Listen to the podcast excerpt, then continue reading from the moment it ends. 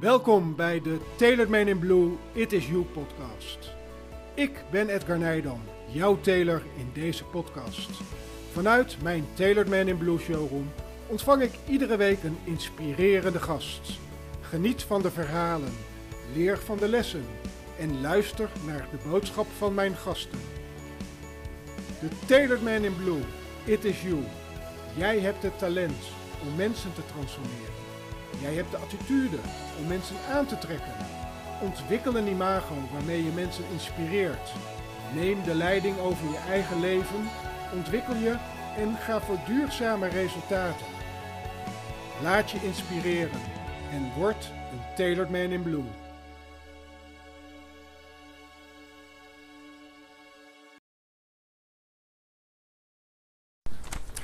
Het is vandaag vrijdag november. En ik zit vandaag uh, voor mijn podcast in Den Haag. Uh, midden in de stad. Ik kwam net binnenrijden langs al die mooie panden. En ik dacht, jeetje, wat is Den Haag toch een mooie stad eigenlijk.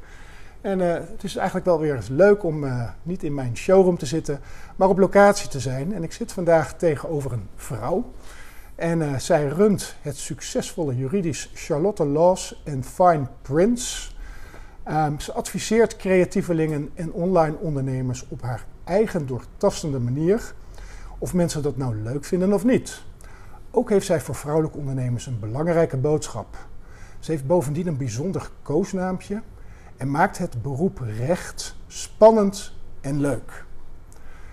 Ik, uh, ik had vandaag zat ik in de auto en dan dacht ik misschien is het wel recht vanuit het hart waarmee ze bezig is. En uh, ik vind het ontzettend leuk dat ik te gast ben vandaag bij Charlotte Meindertsma.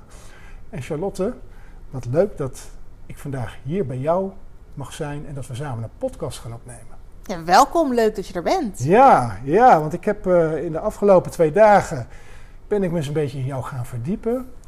En ik, ik was echt verbaasd hoe jij van jouw beroep zo'n spannende reis hebt gemaakt. Want jij bent zo zichtbaar online. Het is ongelooflijk wat jij aan content deelt en aan waarde deelt met, met, met, met jouw ideale klanten, met je klanten, uh, met mensen. En uh, ik was echt aangenaam verrast. Uh, voordat we het daarover gaan hebben, wellicht kun je jezelf eerst eens even voorstellen. Wie ben um, je? En wat, wat, wat is een beetje jouw reis geweest tot aan jouw mooie vak waar je je nu mee bezighoudt? Ja, ik uh, ben de Charlotte Meindersma, ik ben 34. Um, ja, mijn, mijn reis. Ik heb, uh, mijn ouders zijn geen ondernemers. Uh, ik kom helemaal niet uit een ondernemersfamilie. Ik ben opgegroeid in Zuid-Limburg. Um, en heb daar met name mijn basisschool gedaan en één jaar middelbare school. mijn middelbare school in Enschede gedaan. En uh, ik geloof dat ik uh, een week na mijn eindexamen het huis uit was. Dus zonder dat ik wist of ik geslaagd was, um, vertrok ik al uh, om op kamers te gaan wonen. Je stond um, popelen om het huis uit te gaan? Ja, ja absoluut. dus ik had ook nog geen studiefinanciering of dat soort dingen. Dus ik had wel het geluk dat mijn ouders dan de, de, de kamer betaalden. Um, dus dat was meteen al aan de bijbaantjes en nou ja, dat soort dingen.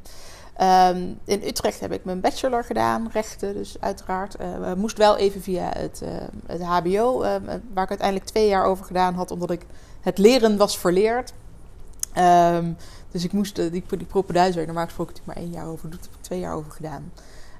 Dus een universitaire bachelor gedaan, terwijl iedereen zei, ja dat moet je niet doen, want 95% of 94 tot 96% van de mensen of zo haalt dat niet als ze die overstap maken. Ik zei, ja, toch mensen nodig die dat kleine percentage vullen. Zeggen, dus laat ik er daar dan maar eentje van zijn. Die, uh, dat was wel een uitdaging. Exact, voor. ja. ja. Um, als je geen mensen hebt die, uh, die dat vullen, dan, dan kom je ook niet aan die 4%. Ja. Um, en toen wilde ik eigenlijk wel heel graag uh, de kant van het intellectuele eigendomsrecht op. en er was destijds eigenlijk maar één master die dat goed aanbood. en dat was informatierecht in Amsterdam. Moest je wel voor solliciteren. Uh, om daar binnen te mogen komen was er nog een selectieve master waar maar 60 studenten aan mee konden doen. Um, dus uh, ja, zodoende, daar ben ik daar aangenomen op basis van mijn uh, motivatiebrief en dergelijke. En vond je het toen al heel leuk? Blonk je, blonk je ook uit? Of kwam je Nee, nog tegen, was- liep je nog tegen bepaalde dingen aan? Was je Ja. aan het twijfelen? Nou, wat ik toevallig net geleerd heb, is dat ik eh, een zogenaamde mismatcher ben als het om leren gaat. Dus je hebt matchers, dus mensen die iets horen en dan zeggen: Oh ja, dat herken ik wel, dus het werkt, zus en zus en zus en zo. En, en, en daar dan alles mee kunnen. Ehm, en ik ben een mismatcher. Het kan wel zijn dat ik iets meteen begrijp, maar ik wil dan ook de randen ervan opzoeken. En eh, weten wanneer het dan niet meer klopt. En eh, dat is wel eens lastig in een omgeving waar je dingen moet leren. Want dan, dan ben je een van die mensen die maar vragen blijft stellen. En dat eh, vinden docenten heel vervelend. Maar daardoor gebeurde het ook wel eens dat ik dingen nog niet nou ja, 100% door had. Omdat ik het gevoel had dat ik alleen maar trucjes aan het leren was. En, en niet begreep hoe een systeem werkte. Ehm, en, en nou ja, ik, ik, eigenlijk omdat ik dus al als puber dat leren was verleerd, heb ik nooit meer een boek volledig uitgelezen. Ehm, dus dat, eh, ja, dat waren geen negens. Ehm, dus het waren op zich prima cijfers. Maar eh, ik ben niet cum laude afgestudeerd of zo. Nee, maar dat is volgens mij, als ik nu kijk waar je je nu mee bezighoudt en wat je allemaal doet, is dat ook niet de noodzaak om eh, uiteindelijk een, eh, een succesvol bedrijf op te zetten. Nee, zeker Want niet. dat komt toch ook vaak vanuit je hart en vanuit wie je echt bent en wat je wil bereiken. Ehm, dat koosnaampje van je, hè? ik bedoel, dat, dat komt vrij prominent. Vrij prominent staat dat eigenlijk als, je, als je jouw website opent. Eh, kom je dat tegen? Kun je ons daar een heel klein beetje in meenemen wat de betekenis daarachter is? Ja. Ehm, nou ja, mijn man is ook jurist. Ehm, en eh we trouwen elkaar trouwens niet op de universiteit hebben leren kennen, maar eh, bij een politieke jongerenorganisatie. Ehm, maar nou ja, goed, hij gaat samenwonen. En, en, en ik ben vooral wel eens er eentje die dan, als hij dan iets kan zeggen en het klopt dan net niet. En dan verbeterde ik dat. Had hij zoiets van, ja, maar je weet best wat ik bedoel. Je bent nu gewoon de vervelende jurist aan het uithangen. Hè? Dus niet iets taalkundig aan het verbeteren, maar iets juridisch aan het verbeteren. Dus dan werd er wel eens wat gemompeld. Een beetje zo, "Hmm, kut jurist. En dan is daarna ook altijd weer goed. Hè? Zo zijn mensen die dit wel eens zien als iets negatiefs. Of dat hij negatief tegen mij doet of zo. Maar ja, het is inderdaad eh, vooral een koosnaampje. Ehm, waarbij hij ook eigenlijk juist wel probeert te zeggen: van, nou ja, weet je, je bent wel goed in je vak en oplettend en analytisch en nou ja, allemaal dat soort dingen. Ehm, dus andersom ben ik het uiteindelijk ook gaan gebruiken. En dat heb ik gewoon een keer gedeeld op social media. En dat is zo'n beetje blijven hangen, dus ben ik het ook blijven gebruiken. Dus inmiddels staat het ook wat meer over hoe ik überhaupt als jurist en ondernemer ben. Tuurlijk. Ehm, en Maar ik dat vind, ook, het, ik vind aan de ehm, ene kant wel dat je, dat je zo, want het is toch een woord, het is bijna een scheldwoord, hè? Ja, dat je dat zo eigenlijk vrij en authentiek deelt op je website. ja. Ja, nee, ja, eh, eh, ik heb zelfs eh, christelijke organisaties die nog steeds klant bij me willen worden. Dus Ja. kennelijk valt het wel mee. Ik eh, merk dat, ehm, ehm, heel flauw gezegd, het eh, vooral eh, mannen van middelbare leeftijd zijn die daar moeite mee kunnen hebben. Dus ehm, eh, eh, ja, jij kunt me daar waarschijnlijk meer over Ik, ik, uitleggen. heb, ik, heb er, ik heb er geen moeite Dan, mee. nee, dus, dus, dus ik krijg er eigenlijk alleen maar positieve reacties op. En, en als het dus een, een negatieve of semi-negatieve reactie is, ja, dan heb ik daar geen last van. Dan is dat mijn klant niet. Ik heb, er zijn meer mensen die klant bij mij willen worden dan, dan wat ik aan kan. Dus ja, prima. Dan is dit een filter. Ik vind het echt eh, helemaal goed. Het, het, het triggert mij. Ja, nou ja, en, en eh, dat maakt me dus ook niet uit of je dat op een positieve of negatieve manier Nee. triggert. Als het je op een negatieve manier triggert, nou ja, dan was deze podcast gezellig en zien we elkaar daarna nooit meer. Absoluut. Als het op een positieve manier is, nou, dan is het alleen maar mooi en dan, eh, dan spreken we elkaar waarschijnlijk wel vaker. Absoluut. Eh, jij bent jurist voor online ondernemers. Ehm, is dat uit, vanuit een stukje idealisme ontstaan? Ik lees ook op je website, of ik heb het misschien ergens anders gelezen, dat je bent begonnen als jurist omdat je vond dat er te veel onrecht in de wereld was. Eh, je was ook een beetje recalcitrant, je schopte graag tegen, tegen, tegen dingen aan en je trapte waarschijnlijk ook graag deuren open door wellicht anders te doen dan collega's juristen. Ehm, dat onrecht in de wereld, is dat voor jou wel een, een, begin geweest om voor jezelf te beginnen? Ehm, nou, ik weet niet of dat per se een begin is geweest om voor mezelf te beginnen. Dat is denk ik meer, dat komt denk ik meer door het, het, het, hoe de conservatieve advocatuur in elkaar zit. En dat ik daar niks mee wilde. Ehm, maar dat ik bijvoorbeeld rechten ben gaan studeren is wel omdat ik dacht, ja, dit, dit, dit, dit klopt allemaal niet. Hè? Hoe we met elkaar omgaan. Eh, ehm, eh, regels op school en die dan eigenlijk niet eerlijk werden toegepast of te zwart-wit. Of, of- eigenlijk wilde ik ze te zwart-wit toepassen. En werd het heel grijs toegepast op school. Ja, maar wacht even. Dit is de regel. Hoezo mag toch die en die nu dit en dat, terwijl dat niet mag? En nou ja, niet dat ik ooit ergens op aangesproken werd. Maar ja, ik volg altijd keurig braaf de regeltjes. Want ja, er was uitgelegd, er zat een bepaalde consequentie aan. Dus hè, deed ik iets maar niet. Deed iemand anders het toch, kwam die consequentie niet. dacht ik wel, ja, waarom hebben we die regel dan? Als die consequentie er niet komt. Dus ik ben daar wel echt als, als hè, jong persoon, denk ik, heel erg ingestapt met het idee dat het ehm, een stuk zwart-witter is dan het vervolgens natuurlijk allemaal blijkt te zijn.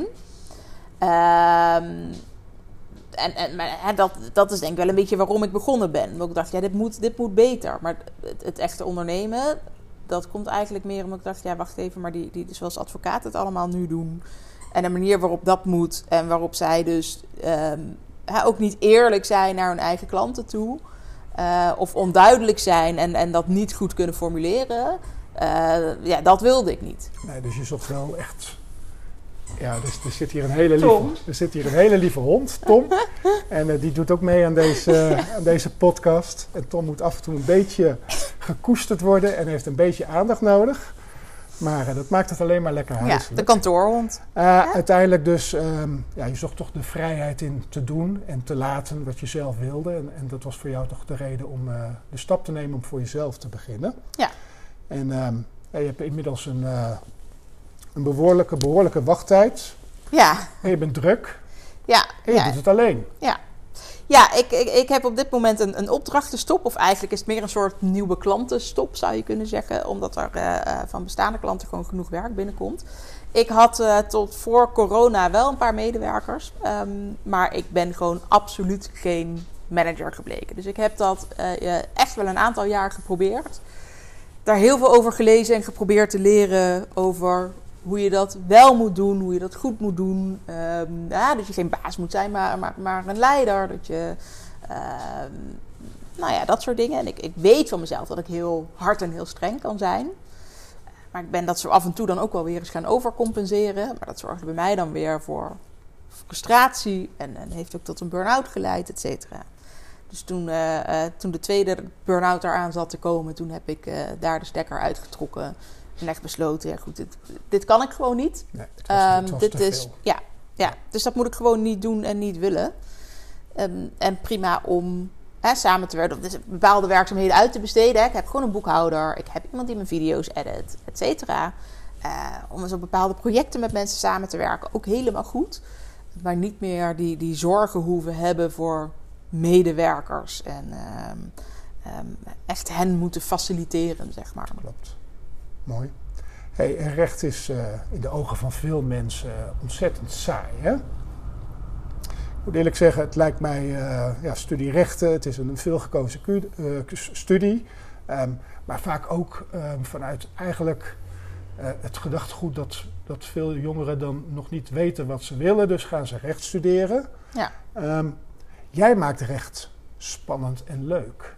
Kun je ons daar eens een beetje meenemen hoe jij recht spannend en leuk maakt. Jij bent natuurlijk ook een, een, een, jonge vrouw. Je bent opgegroeid met sociale media.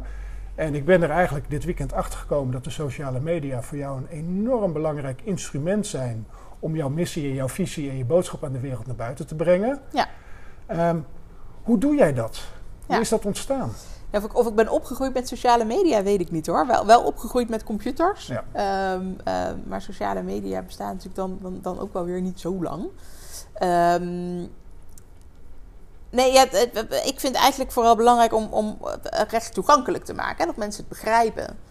Dus daar kan ik heel technisch over gaan praten. Maar dan bereik ik er niemand mee. En dan, dan um, uh, eigenlijk is mijn doel, zou je kunnen zeggen, dat ik niet meer nodig ben als jurist. Omdat mensen gewoon begrijpen hoe het werkt.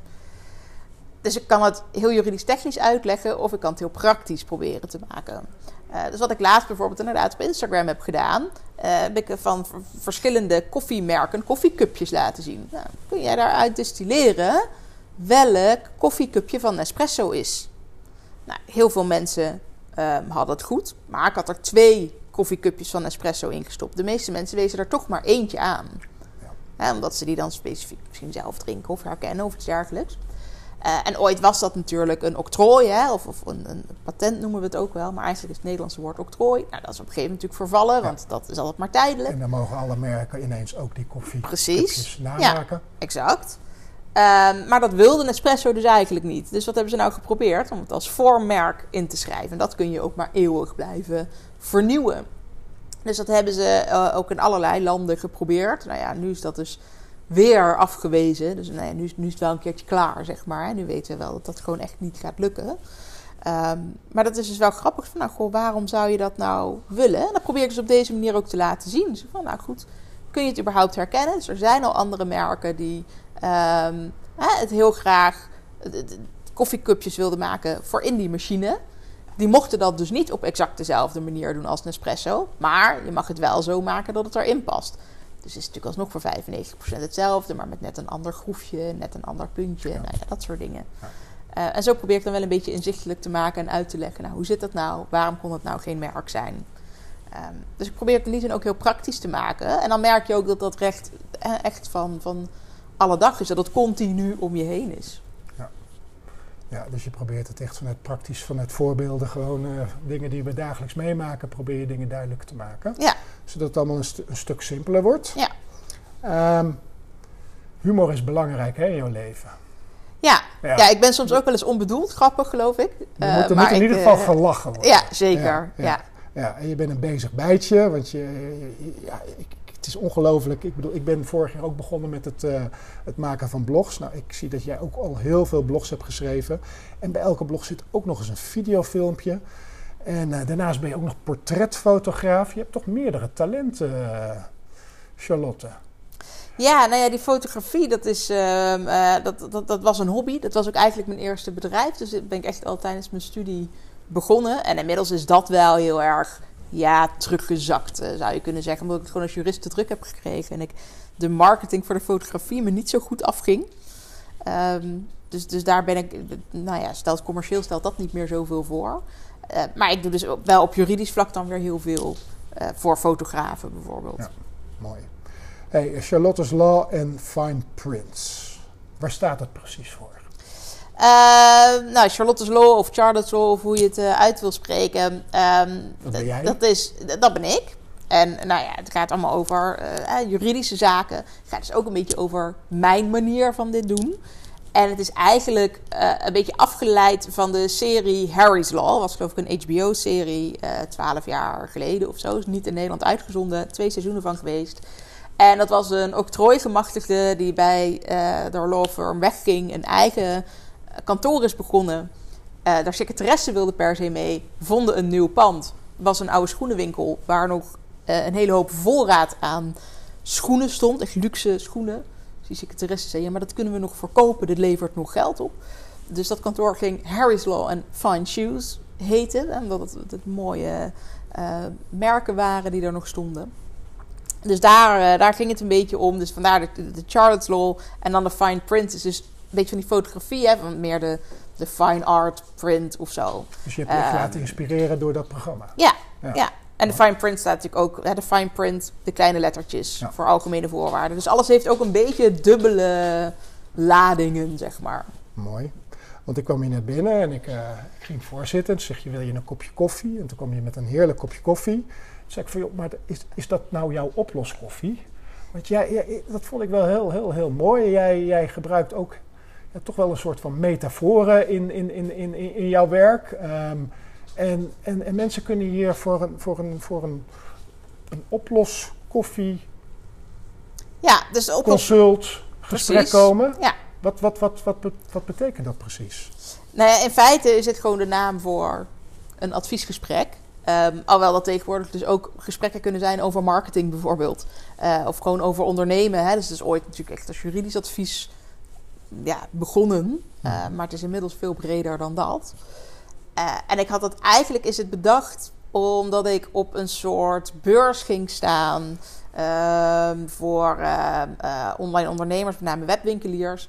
En er stonden heel veel van die gezellige andere bedrijven, hè, marketingbedrijven, alles waar een bedrijf van zegt: Oh, daar wil ik wel mee samenwerken, dat vind ik leuk, dat is interessant.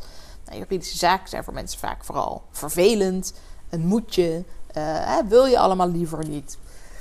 Eh, dus ik dacht, ik moet iets hebben waardoor mensen denken: huh, wat is dit? Hun pas ehm, eh, vertragen of stil gaan staan, zodat ik de kans heb om die stap naar voren te zetten en mensen aan te spreken. En zo is uit een brainstorm eigenlijk ja, meteen al oploskoffie gekomen. En dat, dat is toen blijven hangen. Dat is van de koffie die bijna alles oplost. Ik blijf natuurlijk een jurist, dus ik ga niet zeggen alles oplost. Nee.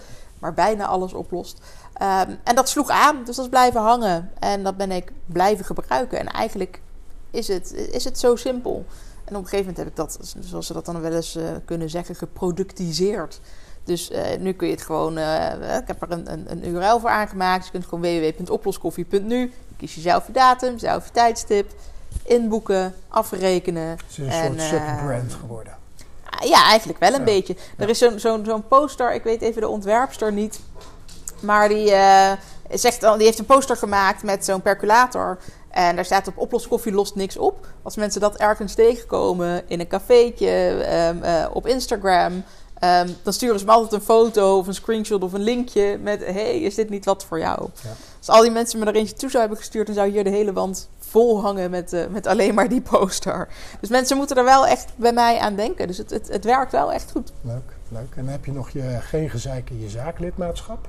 Ja, Eh, gezeur voorkomen in je bedrijf. Eh, is, dat, is dat een online lidmaatschap? Eh, gaat bij jou alles online of, of gebeurt er ook veel offline? Ehm, nee, dit, dit is wel veel online. De oploskoffies waren, zijn ook nog wel een deel offline geweest. Maar ja, door corona werd dat nou ja, nagenoeg 100% online. Ehm, maar ik heb klanten uit het hele land. Dus ik heb ook mensen die vanuit Zuid-Limburg of vanuit de Waddeneilanden of zo komen. Ja, die willen natuurlijk die reis niet maken. Ehm, dus dan is dat ook prima dat dat eh, online is. Ehm, en dat, dat, dat lidmaatschap is echt vooral hè, de verdieping, nog, nog praktische zaken, zodat je niet voor elk wisselwasje ehm, bij mij zo'n oploskoffie zou hoeven kopen of iets hoeft te laten maken of iets dergelijks. Maar dat je eigenlijk vooral weet, nou oké, als ik zorg dat ik lid ben en ik volg die masterclasses en ik lees wat er te lezen valt, dan, dan kan ik gewoon heel praktisch aan de gang met bijvoorbeeld mijn e-mailmarketing en om dat dan op eh, legale wijze te doen. Dat is een beetje het idee. Hey, authenticiteit en attitude. Hè? Ja. Ehm, je zet jezelf best wel groot en gedurfd neer. Ik lees bijvoorbeeld, je hebt advocaten en je hebt Charlotte's Law. Aha. Eh, je, je durft je eh, met je hoofd boven het maaiveld uit te steken. Mhm. Ehm, vanuit welke kernwaarden doe jij dat? Ehm, nou ja, dat, ja, ja is, dat, is dat vanuit een kernwaarde? Want ik denk dat mijn kernwaarde juist wel de authenticiteit is. Ehm, dus ik vind het heel belangrijk om ook, om ook voor mezelf, mezelf te kunnen zijn. Tommy, niet doen. Ehm, dus dat, dat vind ik voor mezelf heel belangrijk. En dat is. eh, dat, dat, is dat, hè, dat maakt voor mij mijn leven prettiger. En ook mijn ondernemersleven prettiger. Dus eigenlijk is dat mijn kernwaarde. Dus dat is ook. Ik, ik heb er ooit eens drie opgeschreven. En daar is authenticiteit er wel eentje van. Dus Ja. dat eigenlijk Eigenlijk komt het niet voort uit een wie- kernwaarde. wie- Maar het is mijn kernwaarde, als, zeg als, als maar. mensen jou, een filmpje van jou zien, dan zien ze ook echt de echte Charlotte. Ja, en weet je, tuurlijk, zeker als je wat oudere filmpjes ziet, eh, toen vond ik het echt nog wel ongemakkelijk. Dus dan is dat niet zoals we hier nu zitten. Ehm, en dat, dat, dat gaat natuurlijk wel steeds beter. En daar ben ik op een gegeven moment ook wel gaan vloggen, zodat je iets meer ziet van hoe ik ben. Eh, zodat je weet dat er een kantoorhond is. Ja, Ehm, die, eh, eh, die ook op naam van de BV staat, want het is dan ook een marketinghond. Ehm, dus, dus nou ja, het, het- kijk, ik, ik heb denk ik, zeker in het verleden wel hè, op school, weet ik veel wat, wel eens geprobeerd me anders voor te doen dan ik ben. Omdat ik dacht dat dat beter was, of ik dan meer geaccepteerd zou worden, of zoiets dergelijks. En iedereen ook deed het zei, nee, maar je moet je, je, moet je niet zo en zo gedragen, maar je moet je eh, op een andere manier gedragen. Dus ehm, als dat je uitgangspunt het is van je moet je maar aanpassen aan anderen. Maar daar werd mijn leven niet leuker van. Nee. Dus toen dacht ik, ja, weet je, het maakt ook niet meer uit. Ik kan me wel proberen aan te passen. En dan vinden mensen nog steeds van alles van me. Dus dan kan ik het ook gewoon doen op mijn eigen manier. Vinden ze ook wat van me. Maar dan is gewoon wat ik zo dagelijks doe en, en op elke minuut eh, doe. Dan eh, is dat tenminste waar ik me verder prettig bij voel. dus what you see is what you get. Zeker. Vandaar dus ook zoiets als gewoon het, gebruiken van kutjurist of zo. Zijn juristen te vertrouwen? Uh, sommige wel en sommige niet. En welke wel en welke niet? Ja, dat, ja, dat is het lastige. Hè? Dat kun je zo niet, uh, dat kun je niet van buiten zien. Dus dat, dat, dat, dat is een beetje. Kijk, elke jurist zal van zichzelf zeggen dat hij te vertrouwen is. Elke jurist zal zeggen dat hij ethisch handelt. Allemaal. En toch doen ze het niet allemaal. En hoe, la hoe laat jij dat dan zien? Uh, ik weet niet of ik dat wel specifiek laat zien. Dat, dat moet je, dat moet je, maar geloven en je moet het maar vertrouwen. Je bent natuurlijk wel heel transparant. Uh, je bent, je bent ja, ik ben daar pas dit weekend achter gekomen, maar in principe overal aanwezig. Op YouTube, ja. op Instagram, uh, met, je, met je blogs, ja. met je lezingen, met je presentaties, met je interviews. Je wordt veel gevraagd. Ja. Gebeurt niet zomaar. Uh, nou ja, kijk, die interviews, dat is voornamelijk het gevolg van dat bloggen. Ja, dus dat, dat uh, als je vooral laat zien wat je kan en wat je weet, dan zorgt dat er weer voor dat mensen denken: oh, wacht even, we zoeken iemand. we zetten Google in. Ja, en dan kom je op sommige onderwerpen op mij uit. Zo simpel is het dan eigenlijk ook wel weer. Hè? Mensen maken marketing wel eens te moeilijk, of in de media komen te moeilijk. Um, ik geloof dat ik uh, twee keer in mijn carrière een persbericht uh, uit heb gestuurd dat heeft me niet zo heel veel opgeleverd. Dat bloggen heeft me veel opgeleverd. Ja, is, is, zorgt dat er dan voor dat ik per se betrouwbaar ben? Ja, ja maar dat is zo'n Cialdini uh, overtuigingstechniek. Hè? Als media je laten zien, dan denken mensen... oh, die zou wel te vertrouwen zijn. Maar per saldo weet je nog helemaal niks. Je kunt het ook denk ik niet zo makkelijk in die zin bewijzen. Nee. Nee, dat ben ik helemaal met je eens. Alleen wat ik, wat ik bij jou wel zie, is toch wel dat je toch wel een beetje de leiding over je eigen leven na uh, neemt. Door toch wel heel bewust uh, een stukje authentieke personal branding in te zetten in je bedrijf. Ja. Uh, zodat je eigenlijk, ehm, denk ik, niet meer bezig bent om te acquireren, maar juist mensen aan te trekken. Ja, klopt. Ik doe niet een acquisitie in die zin. Nee. Uh, dus alles is. is hè, ik vind ook altijd dat ik wel aan marketing doe, maar niet aan sales. En dan zeggen mensen: ja, maar als je nou uiteindelijk die offerte schrijft, dan is dat toch sales. Um, maar in de basis wordt eigenlijk bijna elke offerte gewoon geaccepteerd. Dus dat is meer. Het is voor mij eerder het schrijven van een contract met: dit is wat je gaat krijgen voor dit bedrag. Dan dat dat nou nog helpt om te overtuigen. Um, maar dat helpt dus zeker door mezelf te zijn, juist. Dus juist de, de, de stijl die ik heb, trekt mensen aan. De informatie die ik verstrek en hoe toegankelijk dat is, dat trekt mensen aan. Ja. Mooi. Ja, dat, uh, ik denk dat, dat veel uh, ondernemers uit diverse um, ja, bedrijfstakken hier enorm veel van kunnen leren. Want er wordt toch in, de, in ondernemersland natuurlijk heel veel geld aan marketing uitgegeven. Ja. Terwijl op het moment als je toch een beetje, we hadden het er net over, uit die comfortzone of in die tailoring zone ja. stapt en dingen anders gaat doen. Ja. Uh, dat, dat je op die manier wellicht veel authentieker overkomt. Ja. En als een soort magneet gaat werken. In plaats van klanten te werven, klanten aantrekt. En dat is volgens mij wat, wat jij precies doet. Ik vind dat, ik en, vind ja, en, ik, en ik trek dus ook vooral de klanten aan waar ik heel prettig mee kan samenwerken. Omdat, dat, ja, want mensen moeten dus ook wel heel bewust voor mij kiezen. Mensen die mij niks vinden, die komen dus ook al niet meer door ja, het, het, filter. Wat ja, is het een filter? Dat is dus ook mijn personal branding. Het is hoe ik ben. Ja. Maar dat zorgt dus ook voor dat de meest vervelende klanten, zeg maar, waar ik geen match mee zou zijn, dat ik die überhaupt dan niet aantrek. En de, de, ja, als zij heel graag iemand in een. Uh, willen die in een Porsche rijdt en, uh, en een mooi duur pak aan heeft, um, ja, dan, dan moeten ze inderdaad naar de Zuidas. Ja, dus en dan het, moeten ze niet bij mij zijn. Het filtert zich eigenlijk gewoon vanzelf. Ja. Mooi. Hey, en dan geef je ook nog presentaties en workshops. Um, wat, wat, wat, wat, wat, waar, waar, gaat dat over? Wat zijn de onderwerpen waar jij graag over praat? Ik bedoel, wat, wat, wat... Nou, ik word veel gevraagd over zaken als auteursrecht en portretrecht en, en, en privacy.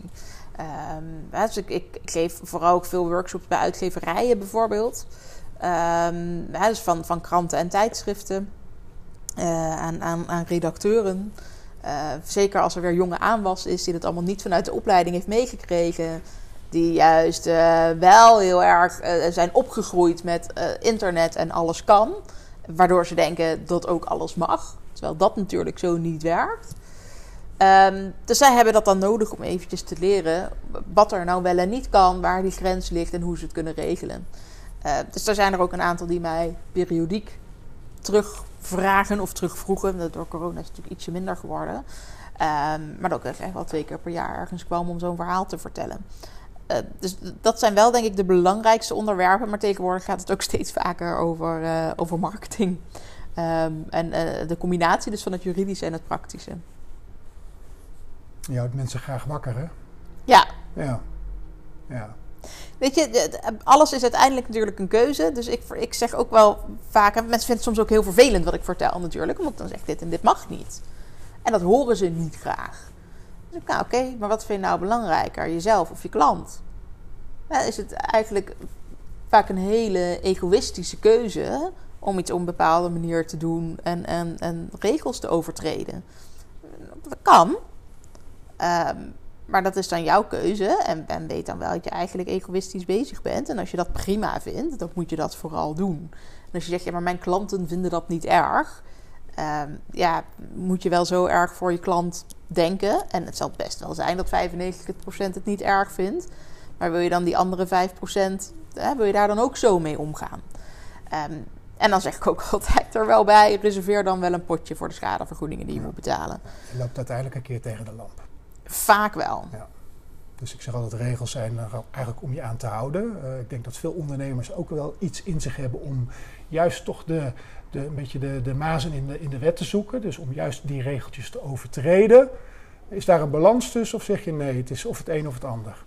Um, uh, nou ja, soms zijn regels natuurlijk wel eens nog wat onduidelijk of nog onuitgekristalliseerd. Waardoor je nog het is niet altijd een keiharde lijn. Dat, hangt er een beetje vanaf, maar dat, is er niet altijd. Zeker in het auteursgekend portretrecht is het heel vaak, ja, het hangt er vanaf. Hoe heb je het nou precies gebruikt, uh, belangenafweking, et cetera. Um, nou ja, dan kun je heel bewust ervoor kiezen om in elk geval in het grijze gebied te opereren. En dat je dus zegt, nou oké, dan neem ik dat risico wel. Uh, maar als het bijvoorbeeld over e-mailmarketing gaat, ja, dan is best wel duidelijk wanneer je wel of niet mag e-mailen. Ja. Um, en dan wordt er inderdaad heel vaak bewust voor gekozen om de regel te overtreden. Ja. Jij, jij houdt je bezig in een wereld die, uh, die continu verandert. Ik bedoel, uh, de wereld verandert dagelijks. Um, dus jouw vak verandert denk ik ook, nou niet dagelijks, maar er, er verandert veel. Hoe, hoe blijf jij jezelf als jurist uh, ontwikkelen? Uh, betekent dat dat jij elke week in de boeken moet duiken om, om dingen bij te houden? Uh, dat je je echt verdiept in bepaalde zaken? Ja. Komt daar veel bij kijken? Nou, de, de wet verandert natuurlijk niet zo snel. Nee. Um, dus dat is vrij makkelijk om bij te houden. Hè, die hele wetgevingsprocessen, dus vanaf een, een, idee of een wetsvoorstel totdat het wet is, daar gaan, gaan jaren overheen. Uh, dus het is in die zin altijd redelijk makkelijk bij te houden. In elk geval wanneer het verandert. Dus je kunt gewoon plannen wanneer je daar dan in moet gaan verdiepen. Um, dus dat maakt het wel makkelijk. Dus eigenlijk is het vooral jurisprudentie bijhouden. He, dus de uitspraken van, van rechters bijhouden. Om te kijken of zij iets op een andere manier zijn gaan interpreteren en of je daar dan wat mee moet. Um, en dat is eigenlijk het belangrijkste. Um, dus dat, dat is niet per se boeken lezen, want dat is, dat, dat, dat, dat is altijd heel stabiel, zeg mm-hmm. maar. En natuurlijk verschijnt er wel eens ergens een nieuw boek over. Um, en dan kun je zeggen, nou, dat vind ik een prettig boek om te lezen. Maar meestal zijn ze niet zo heel prettig geschreven. Dus gebruik ik dat wat meer als naslagwerk. Ja. Um, dus dan is het vooral jurisprudentie bijhouden. Dat is wel iets wat je gewoon en, wekelijks en, moet en doen. dat filter je? Ja, nou ja, er zijn natuurlijk wat van die uh, mooie vakwebsites. Uh, die ook nieuwsbrieven uitsturen. Uh, nou, er zijn een paar advocatenkantoren die nog wel eens wat leuke dingen willen publiceren. Waarbij ik nog wel eens kijk, goh, er zijn nog wat nieuws uh, gepubliceerd. Wat, wat interessant is om te lezen. Um, dus dat doe ik vooral. En in principe kun je natuurlijk ook gewoon punten halen. Hè? Dus je opleidingen doen, cursusdagen, jurisprudentie, lunches, et cetera. Ik ben merkengemachtigde, dus ik moet er 12 per jaar halen. Nou, dat staat grofweg ook gelijk aan 12 uur studie. Uh, maar het is niet zo dat zo'n cursus nou per se zorgt voor de kwaliteit, zeg maar. Hè? Dus dat, nou ja, zo'n jurisprudentielunch is dat iemand anders jou voorkoudt wat, wat er in zo'n uitspraak heeft gestaan. Ja. ja. dat is vooral een makkelijke manier van je punt halen, zal ik maar zeggen. Ehm, dus, dus eigenlijk kun je meer met zelfstudie dan, dan met dat. Maar nou, advocaten moeten 20 uur uh, of 20 punten halen per jaar. Dus zeg maar 20 uur aan studie. Dus het valt eigenlijk best wel mee. Dus wat verplicht is, valt wel mee. Maar ik ben wel van mening dat als je het goed wil doen, je op zijn minst gewoon altijd even moet kijken. Wat is er nou gebeurd? Wat wil ik lezen? Ehm, en als je maar je specialisatie kiest, dan is het ook makkelijk. Dus als je maar niet te breed wil zijn en waar, waar je allemaal wat van moet weten, ehm, dan, dan, dan zorg je dat je kwaliteit gewoon hoog blijft. En wat, wat, wat niet noodzakelijk is in jouw vakgebied, is het schrijven van een boek. nee, zeker niet noodzakelijk. En uh, ik, ik, ik, zag, ik, ik, las en ik zag en ik hoorde het ook van Jolande. Van Jolande. Je hebt echt een, een, een boek geschreven, volgens mij al, meerdere boeken. Ja, klopt. Uh, je laatste boek, Echt ondernemen, bemoei je met je eigen zaak. Geen geheime formule, geen shortcut to succes, geen sterrenstof. Is net uitgekomen. Ja. Kun, je ons, kun je ons kort eens meenemen? Uh, wat is de reden van dit boek en, en, en wat, wat, wat, wil je, wat wil je mensen meegeven? Ja. Uh, nou, dit is inderdaad mijn, vijfde boek. Uh, degene die ook het, meest populair is uiteindelijk wel. Ook omdat die denk ik wat toegankelijker is nog dan de rest. Uh, en dit komt denk ik ook wel heel erg door, nou ja, wat, als je het hebt over kernwaarden. Hè, dat ik die authenticiteit belangrijk vind. De, de, de, de, onafhankelijkheid ook. Dus dat ik echt wel kan doen wat ik, wat ik zelf wil. Um, en, en eigen verantwoordelijkheid vind ik heel belangrijk. Um, dus dat is denk ik ook wel wat er in dit boek terugkomt. Het komt ook een beetje voort uit frustraties over hoe sommige mensen op dit moment ondernemen of het ondernemen verkopen. En dat, dat, dat zit eigenlijk een beetje op twee stromen. Um, de een is een beetje het, het FD Gazelle-achtige. Je moet groter, groter, grootst. Uh, groot team, snelle uh, omzetgroei, veel geld. Altijd, uh, meer, meer, meer, altijd meer, meer, meer. En dat is dan kennelijk het enige doel dat we hebben. Ja. Dat is ook een beetje hoe in de media ondernemersstuk worden geportretteerd. Ben je succesvol, dan betekent dat hoge omzet, veel personeel. Ten, of kost, je ook, ten koste van alles. Ja, want de, of je überhaupt winst maakt, daar hebben we het dan eigenlijk weer niet over. Hoe goed je voor je personeel zorgt, gaat het ook nauwelijks over. Um, dus dat is kennelijk niet belangrijk. Het gaat alleen maar over die uiterlijke schijn. En dat is dus een soort van status en geld. Dus dat is hoe we van buitenaf mensen op succes beoordelen. En we hebben de, de, de stroom uh, ja, online ondernemers die het ook de hele tijd hebben over... je moet 100.000 euro omzet maken. Die het vervolgens ook niet hebben over je winst daarbij. Dus ik denk, ja, het hangt er nogal vanaf wat voor business je hebt. Uh, dan kan 100.000 euro omzet ook helemaal niks zijn, omdat je, ja, je kosten uh, hoog zijn als je uh, nou ja, een horecazaak hebt met, met veel kosten aan personeel en inkoop. Of uh, nou ja, als je inderdaad in de kledingbranche zit, je inkoop is hartstikke voorraad, hoog. Een magazijn vol voorraad. Dus als je dan maar 100.000 euro omzet zou draaien, nou dan, dan, dan, dan, daar kun je niet van leven, want daar hou je niks aan over. Um, en uh, nou ja, dat is ook een beetje de sterrenstof. Ik begrijp tegenwoordig van mensen dat er mensen zijn die daadwerkelijk het woord sterrenstof gebruiken. Wat ik tamelijk absurd vind. Um, maar het gaat een beetje over nou ja, het, het, het, het Moon Sisters verhaal. Dat je zegt nee, maar als je met volle maan slaap je slecht. Dus je moet rekening houden met de maan. En als je daar maar rekening mee houdt, dan word je wel een succesvol ondernemer. Als je maar uh, daarin gelooft dat je succesvol wordt, dan word je ook wel succesvol. En dan denk je, een positieve instelling is wel nodig. Ja. Dus tuurlijk moet je ook met, met, met, met je gedachten en je inzet, et cetera, uh, je instelling, moet dat goed zijn. En, en, en is dat een soort basisnoodzaak. Maar het gaat daarna wel vooral om wat je doet en de keuzes die je gaat, maakt. Het gaat niet vanzelf. Nee, en dat is wel een beetje wat er nu verkocht wordt. Hè? Het passieve inkomen, het als je het maar graag genoeg wil.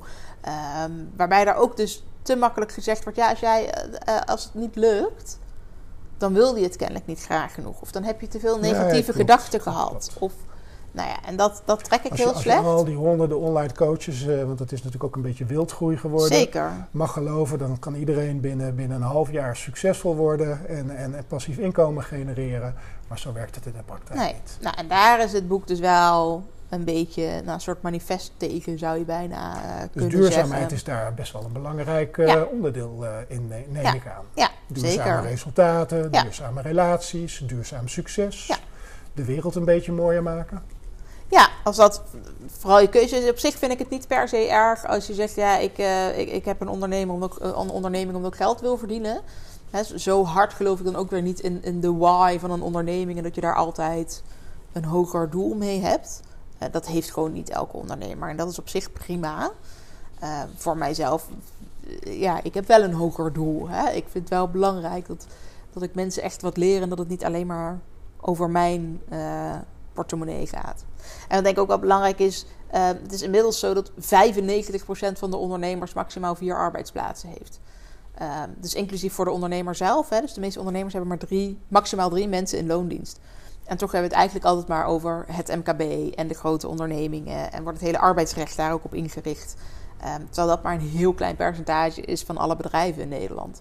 Dus ik, ik wil ook wel een beetje um, nou ja, opstaan voor de, voor de wat kleinere ondernemer. En dat je dus toch gewoon succesvol kunt zijn. Ja. Ondanks dat je misschien niet per se veel personeel hebt. Hè? Dat, als, je, als je kijkt naar hoe we dus um, ondernemers behandelen. wanneer we van buitenaf zeggen dat ze succesvol zijn. dan zou iedereen een Albert Heijn moeten worden. Terwijl we tegelijkertijd klagen dat de bakker op de hoek verdwijnt. Ja. Maar ja, als we dus tegen de bakker op de hoek zeggen: jij bent geen succesvolle ondernemer. je moet maar fabrieksbrood gaan verkopen ja, dat, dat is waardoor het verdwijnt. Er is dus... wel een hoop armoede in de wereld. En dan heb ik het niet over armoede qua geld, maar gewoon qua... Ja, ja jongens, het maakt het leven juist zoveel mooier. Precies. Ja, ja ik behoor ook tot die, uh, tot die kleine ondernemers. Maar aan de andere kant durf ik ook groot te denken en dingen anders te doen. Ja. En uh, met name ook dit soort gesprekken uh, ja, zorgen er toch voor dat je als ondernemer blijft leren, je blijft ontwikkelen. En ja, wat mij betreft is duurzaamheid er ook een, een belangrijk aspect in. Het gaat vooral omdat het allemaal je eigen keuze is. Dat vind ik belangrijk. En dat je dus zelf kiest hoe groot je wil worden en hoe je het wil inrichten. Maar dan heb je, heb, je, heb je mannelijke ondernemers en je hebt vrouwelijke ondernemers. En ik lees dat vrouwelijke ondernemers wel wat meer hun mannetje mogen staan in deze wereld. Ja, Nee, kom jij op, mogen vrouwen dat voor die vrouwelijke ondernemer? Is dat, is dat nee. iets? ik kom niet, ik kom, wat mij betreft kom ik niet per se op voor de vrouwelijke ondernemer. Maar je, je zegt wel, ze zouden wat meer een mannetje mogen. Zeker. Wat, bedoel je daar precies mee? Uh, dat, dat, dat, dat vrouwelijke ondernemers wel eens wat minder een slachtofferrol mogen aannemen. Uh, dat je gewoon iets kan en dat je je daar ook voor in moet zetten. En dat, dat we te vaak zeggen: ja, goh, er is een bepaalde situatie. En dat komt door mannen en de mannen moeten dat ook gaan oplossen. Nee, jij, wil gewoon ondernemer worden, prima. Bouw je onderneming, ga het regelen. Maar ga niet zeggen: het is me niet gelukt, want die en die mannen wilden dat niet voor mij doen. Uh, dan zet je jezelf in een slachtofferrol. Bovendien, als het hun schuld is, ja, waarom zouden ze het dan wel voor je gaan oplossen? Hè, zorgen dat je zelf um, voor die oplossing zorgt. En dat is sowieso iets, denk ik, wat, wat, wat verder wel ondernemers eigen is. Dat je juist zegt, ja goed, er lukken misschien dingen niet en er zit misschien van alles tegen.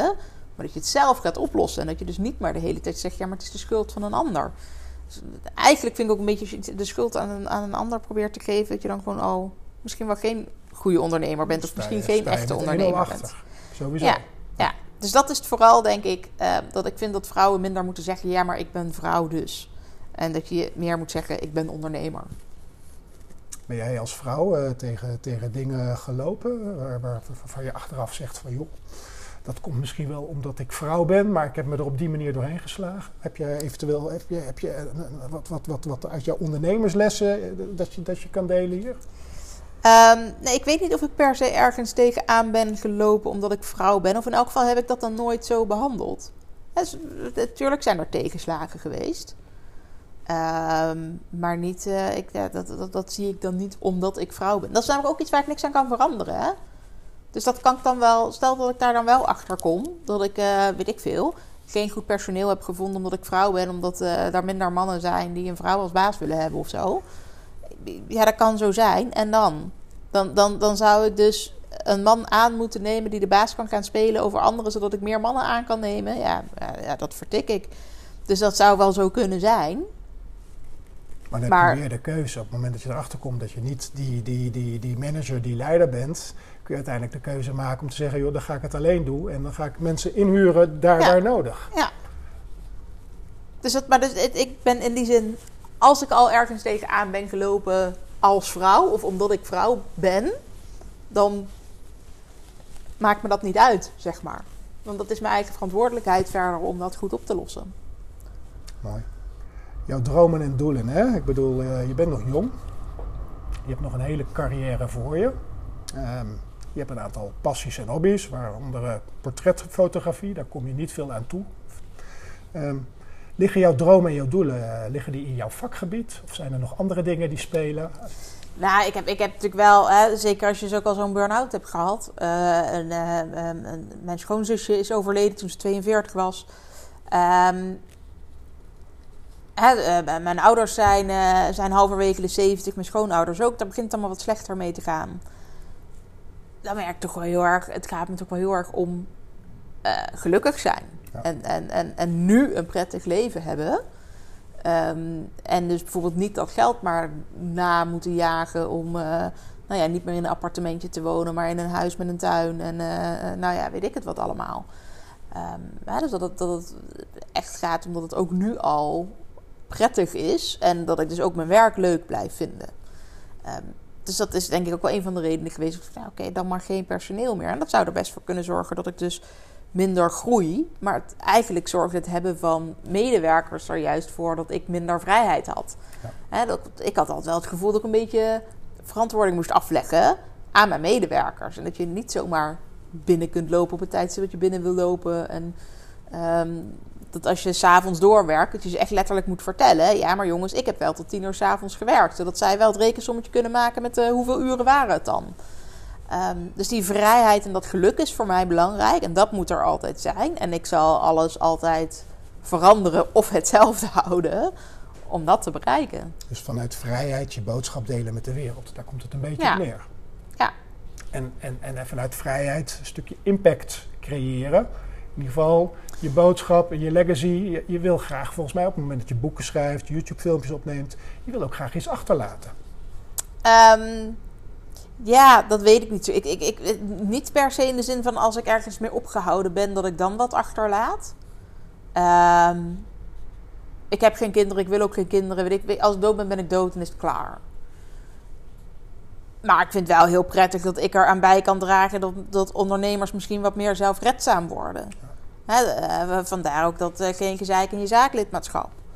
Um, dat je echt wat meer dingen zelf kunt doen. En dat, dat ondernemers dus ook minder afhankelijk hoeven te worden van juristen. Dus dat is voor mij niet zozeer een, een, een legacy of nalatenschap, maar meer echt nu dat helpen. En dat is, maar dat is wel dus de balans waar ik steeds naar op zoek ben. Van oké, het moet gaan om mijn eigen vrijheid en geluk. En wat ik vervolgens nog kan doen voor anderen. En daar, daar moet dat een goede, een goede wil je, balans zijn. ondernemers helpen ook aan een stuk vrijheid en geluk. Ja. Ja. ja. Zodat zij de frustratie over, over de juridische zaken niet meer hebben, bijvoorbeeld. Ja. ja mooi. Mooi. Um, ja, volgens mij hebben we al best wel veel, veel, veel, veel dingen doorgenomen. Ik bedoel, we hebben het net over je boek gehad. Um, we hebben het over je missie, je visie gehad. We hebben het over je, je dromen gehad. Um, is er nog iets anders in jouw leven wat jou raakt? Wat mij raakt? Ja. Um, nou, ik moet, ik, moet, ik moet heel eerlijk zeggen dat er best een hele hoop dingen zijn die ik in de wereld zie gebeuren waar ik vooral heel erg gefrustreerd over raak. Uh, en en uh, um, waar ik van merk dat ik daar zelf niet voldoende aan kan bijdragen. Maar waardoor ik me er juist ook steeds meer voor aan het afsluiten ben. Ja, ik, ik kan de wereld niet redden in mijn eentje. Um, het, het houdt op een gegeven moment een beetje op hoeveel stichtingen je kunt participeren, gratis kunt werken voor mensen, geld kunt doneren, um, um, dat soort dingen. Um, ja, dus ook als het om milieu gaat, ja, nou ja, ik, ik, doe wel, ik ga wel nog op met vliegvakantie. Maar ja, ik heb dus geen kinderen, we hebben een elektrische auto. Uh, de verwarming staat uit als het uit kan. Nou ja, dat soort dingen. Dus ook daar gaat het dan eigenlijk uiteindelijk wel weer een beetje om balans. Oké, hoe kan ik zorgen dat mijn eigen leven nog wel leuk genoeg blijft? Uh, zodat ik het ook weer niet hoef te verprutsen voor andere mensen. maar zonder me verantwoordelijk te voelen voor het geluk van een ander. Ja. Um, dus hè, dat, ja, als, nou ja, inderdaad, zo'n voorbeeld als milieu, dat is wel iets wat me raakt. Ja. Um, maar waarbij ik inmiddels dus ook wel denk, ik, goed, die verantwoordelijkheid is ook een balans. Ja, en uiteindelijk zijn uh, de mensen hier, uh, hier vlakbij in Den Haag. Ik bedoel, uh, ik zag premier Rutte, die was alweer op zo'n congres waar het ging over het milieu. Ja, in Glasgow. En, ehm, ja. er, moet veel, er moet veel veranderen in de wereld. En ik, ik neem aan dat ze daar bovenin, in die torentjes, ook druk mee bezig zijn. En laten we maar hopen dat, ze, dat er goede beslissingen genomen ja. worden. Ja. Um, dat uh, onze kinderen, niet jouw kinderen, maar mijn dochter en, en, en de kinderen van mijn dochter, als ze kinderen krijgen, straks ook nog in een mooie wereld mogen Ja. leven. Um, waar, waar ook nog steeds muziek gaat, gedraaid gaat worden. Want daar wil ik eigenlijk even met je mee eindigen. Uh, muziek. Voor mij heel belangrijk. Als ik in de auto zit, als ik thuis op mijn werk ben. Uh, als ik op mijn werk ben, als ik thuis ben. Muziek is voor mij iets, ja, een soort uitlaatklep. Um, ik eindig ook mijn podcast met, met muziek. Um, en ik zou ook graag deze podcast met een mooi nummer willen afsluiten. Ja. Wat, wat komt er bij jou op? Um, nou, ik, ik, uh, En ik, heb, ik heb op Spotify een klein, een, een, een kort lijstje. Daar staan nou, ja, misschien maar vijf nummers op of zo. Uh, uh, die ik wel eens draai als mensen wat van mij kunnen vinden, zeg maar. En ook over hoe ik me natuurlijk op social media presenteer. Um, en een van die nummers is uh, Groeten uit Maaiveld van Agda de Munnik. Um, en dat gaat eigenlijk iemand die, die, die dus uit een dorp komt en, en waar alles maar, uh, waar je een beetje gewoon moet gedragen. Ja, het dorp. Ja. ja. Um, en waarbij het dus eigenlijk vreselijk is als je inderdaad je kop boven het maaiveld uitsteekt.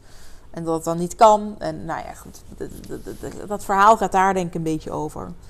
Um, en dat vind ik soms best wel even een lekker nummer om te kunnen draaien. Acta de Munnik. Ja, ja. Weergeloze artiesten met fantastische teksten. Ja, Muzikaal nee, zeer begaafd. Een stuk humor. Zeker, ja. Ja, ja. ja. Nou, super. Um, die gaan we straks inzetten. Top. Ja, en um, we zijn aan het einde gekomen van dit ontzettende leuke gesprek. Um, ook een leerzaam gesprek. We zijn er inderdaad als ondernemer veel te weinig mee bezig. En dan is het maar goed dat er vrouwen zijn zoals jij, die ons een, een beetje werk uit handen nemen. En dat ook nog eens op een hele leuke en doorzichtige en humoristische manier doen. Um, er is genoeg over jou te vinden. Um, je hoeft je naam maar te googlen. En YouTube, uh, Instagram, je boek. Ik bedoel, je bent zo positief aanwezig. Uh, ik dank je wel voor dit uh, fantastische gesprek, Charlotte. En jij ook bedankt. Ja, heel graag gedaan. En ik vond het ontzettend leuk dat ik hier jouw gast mocht zijn in Den Haag. Indirect ben je natuurlijk mijn gast in de ja, Tailored Man in Blue zeker. Interview podcast. Um, jij bedankt voor het luisteren. En volgende week uh, vanzelfsprekend weer een hele mooie podcast. En die gaat dit keer over stilte, de kracht van stilte. Waar ik enorm naar uitkijk. Um, Charlotte, dank je wel.